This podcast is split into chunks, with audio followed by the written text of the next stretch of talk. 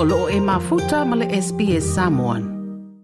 Uh, kia ora, Shannon Bell. Kia ora. Tell us about the Le Mana Pasefika program in Victoria. Yeah. What is your role there? My role is uh, the program manager of Le Mana Pasefika Empowerment Program. The program is funded by the Office for Youth um, from the state government. It's a uh, program for Māori and Pacifica young people in Victoria that specifically works to provide opportunities, um, acknowledging some of the challenges and stuff that Māori and Pacifica young people, a whole range of different programs and stuff that we kind of that we provide. Some of those are targeted specifically in relation to some of the issues we see, and I guess some of those are kind of related to cultural disconnection in terms of identity um, areas, language barriers.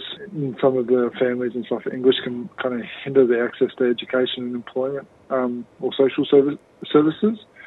Um, and then there's some kind of educational um, disadvantages in terms of um, some cultural differences in learning styles and institutional biases and stuff that we kind of do a bit of edu- um, advocacy and education around, and some of that includes um, the lower academic um, kind of achievement in terms of the limited access to higher education opportunities. So You say empowerment. What does that mean? I think it's acknowledging that Modern Pacifica young people face a range of uh, challenges that I guess mainstream uh, communities don't face or, or don't have slightly different in terms of the the experiences that they kind of face. So main um, uh, function for us is to make sure that we're um, advocating for spaces and opportunities for our young people to be able to step in and see themselves in a different light, whether it's through um, their own particular identity or it's um, contributing to something that they feel and enhancing their sense of belonging.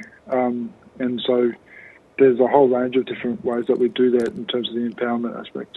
So, what sort of resources do you provide in order to uh, bring this about?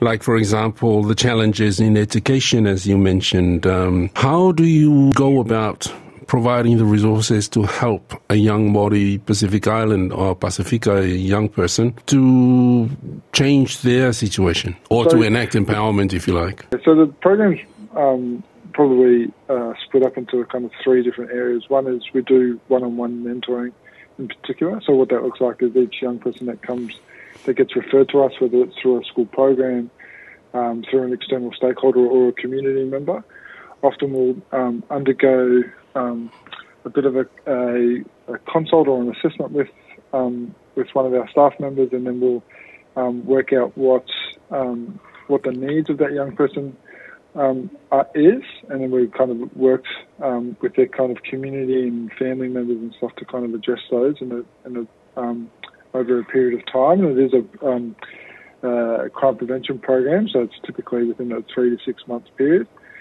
There's other forms in terms of um, school programs that we run um, both in the southeast and the northwest um, that cover a whole range of kind of identity, belonging, um, uh, specific areas as well as um, some actual uh, breaking down barriers in relation to ed- the education space um, within the program. Um, and then there's a um, building capacity part of the program where we work with a lot of organisations um, uh, externally and government um, departments in terms of uh, different approaches and ways of engaging um, and advocating for the needs of um, young Māori and Pacific Island um, young people. Um, and so that's often uh, providing opportunities where those young people can advocate for their own needs um, to department spaces or whether it's to schooling spaces, you know, a whole range of those kind of different advocacy spaces. What about law and order? What about youth crime, circuit breaking, um, identifying um, young people who um, may need some assistance to break the cycle, the circuit, before they end up in youth detention, for example? Yeah, some of the stuff that we do is kind of ensuring access to culturally appro- appropriate support services. So whether we take them on or we do soft referrals to externals, we often have partnerships um, uh, with uh, other agencies um, such, such as West Justice um, or other kind of drug and alcohol spaces um, or youth, other youth kind of programs um, and health, and we kind of work um, to kind of intervene at the, at the earlier stage as a crime prevention program. Um, but uh, otherwise, we're advocating for kind of policies and stuff uh, to promote um, the kind of cultural diversity within the mainstream institutions, and then supporting kind of initiatives that preserve and celebrate the cultural traditions and practices. So there's a, a bunch there in terms of um, some of that's kind of addressing the systemic barriers and, and the discrimination that may impact um, some of the young people's ability to maintain their cultural identity. Um, but I think a main part of ours is promotion, promoting community-led um, initiatives that kind of um, pr- uh, promote pro- pro-social kind of behaviours and um, working with those young people um, uh, at the earlier stages to make sure to kind of increase their sense of belonging and stuff within the community so that they don't end up kind of in that incarceration rate um, space. So you would have other stakeholders in the uh, Maori Pacific uh, Pacifica community there in Victoria, for example, yeah. churches, um, community organizations, yeah. Um, yeah. sports organizations, and so on. Yeah, yeah, that's right. So we do a lot of kind of collaboration with um, a range of different uh, community stakeholders. Some of those do include, like you say, um, churches, um, sporting clubs in terms of um, the popular ones uh, around, you know, rugby or rugby league clubs in, in Victoria that tend to be um, community spaces for our community.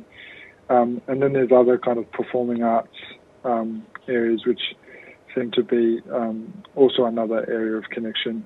So those are very popular within the within the Maori and uh, Samoan and different Cook Island community spaces that we often um, uh, have built connections in terms of young people uh, um, building their sense of uh, community and belonging within um, finding a space to kind of express themselves and, and, maintain some of those kind of cultural practices and identity areas. How many of you are in Le Mana Pasefika, Shannon? Two workers for the uh, to, for the northwest, um, uh, and then two workers for the southeast, and then um, a team leader and, a, and, a, and then myself as the manager, and then we have a bunch of kind of um, external, uh, sorry, uh, casual um, casual employees that kind of assist, as well as um, both areas, the northwest and the southeast, have their own uh, specific leadership groups, um, and so there we provide um, spaces for young people uh, to develop um, uh, inter- uh, both internally and externally, uh, their own leadership uh, skills and attributes in terms of um, through a whole range of different um, uh, functions. Shannon Bell, thank you so much for taking the time out to talk to us this morning about uh, your work. No worries. Thanks. It was an absolute privilege. Like, share, mafaali sa ufinangalo, muli muli ile SBS Samoan ile Facebook.